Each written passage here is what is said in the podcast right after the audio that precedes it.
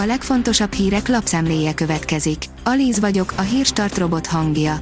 Ma november 1 Marianna névnapja van. Elmenekültek a munkások a koronavírus miatt Kína legnagyobb iPhone gyárából. Ez akár 10-30%-kal is visszavetheti az új iPhone-ok gyártását, ami az ünnepek előtt különösen rosszul jöhet az Apple-nek, áll a 444.hu cikkében. A 24.hu kérdezi, lemondhatunk a 2023-as reálbéremelésről. A munkaadók biztos nem fognak olyan bérmegállapodást kötni, ami reálbéremelést tartalmaz 2023-ra.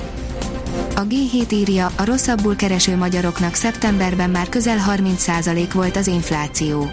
Csak a legrosszabbul kereső letteket és litvánokat sújtotta nagyobb infláció szeptemberben, mint a legalsó jövedelmi ötödbe tartozó magyarokat. Európai szinten is nagyra nyílt nálunk az olló ebben. A 168.hu oldalon olvasható, hogy Putyin ismét fenyegetőzik. Putyin azt mondta a hétfői támadásokról, hogy ez nem minden, amit tudunk tenni. Az éjszaka folyamán újabb támadást indítottak. A Fehérház kapui bezárultak az Orbán kormány előtt. A Fehérház három tucat nemzetet, az Európai Uniót és számos magánvállalkozást hívott össze egy hétfőn kezdődő kétnapos csúcs találkozóra, amelynek témája a zsaroló vírus támadások elleni hatékony fellépés. A régióból szinte csak Magyarország nem kapott meghívót, áll a napi.hu cikkében.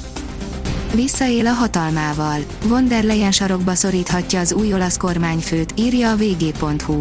Szakértők szerint lehetetlen küldetésre vállalkozik Giorgia Meloni, amikor a helyreállítási alapforrásairól szeretne tárgyalni Brüsszelben. Az RTL.hu oldalon olvasható, hogy utálom Putyin Oroszországát inkább visszaadta állampolgárságát az orosz milliárdos. Nem tudok és nem is fogok olyan fasiszta országhoz kötődni, amely háborút indított békés szomszédjával, fogalmazott Oleg Tinkov. A BL meglepetés csapata felfigyelt a magyar védőre, írja a rangadó. Alapember lett a klubjában, bemutatkozott a válogatottban, és felkerült topligás csapatok radarjára. Nesze neked rezsiemelés, százával húzzák le a rolót a magyar posták, írja a pénzcentrum.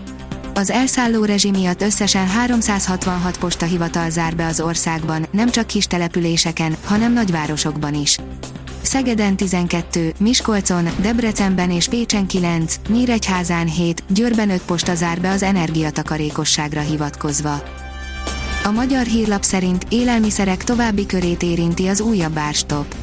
Több termék drágulása is oly mértékű, hogy komoly segítség lenne a lakosságnak az árplafon. A vezes oldalon olvasható, hogy emberi alakot látott a sírok között az önvezető autó. Érdekes jelenséget produkál a Tesla környezetet figyelő rendszere temetőben haladva. A síremlékek között emberi alakokat érzékel, és természetesen ezzel izgalomban tartja a TikTok videókat néző közönséget. A 24.20 szerint meglepetés a magyar kézisek keret hirdetésekor. Golovin Vladimir kihirdette azt a 18 játékost, akikkel nekivág az Európa-bajnokságnak. A rangadó írja, a nap, amikor a futball meghalt. 1982-ben mindenki megcsodálta az ikóékat, de egy vereség elég volt a bukáshoz. Esős idővel kezdődik a hétvége. Egészen csütörtökig eseménytelen, nyugodt időre számíthatunk, majd pénteken egy mediterrán ciklon éri el hazánkat, amelyből országos esőzés várható, írja a kiderül. A Hírstart friss lapszemléjét hallotta. Ha még több hírt szeretne hallani, kérjük, látogassa meg a podcast.hírstart.hu oldalunkat, vagy keressen minket a Spotify csatornánkon, ahol kérjük, értékelje csatornánkat 5 csillagra. Az elhangzott hírek teljes terjedelemben elérhetőek weboldalunkon is. Köszönjük, hogy minket hallgatott!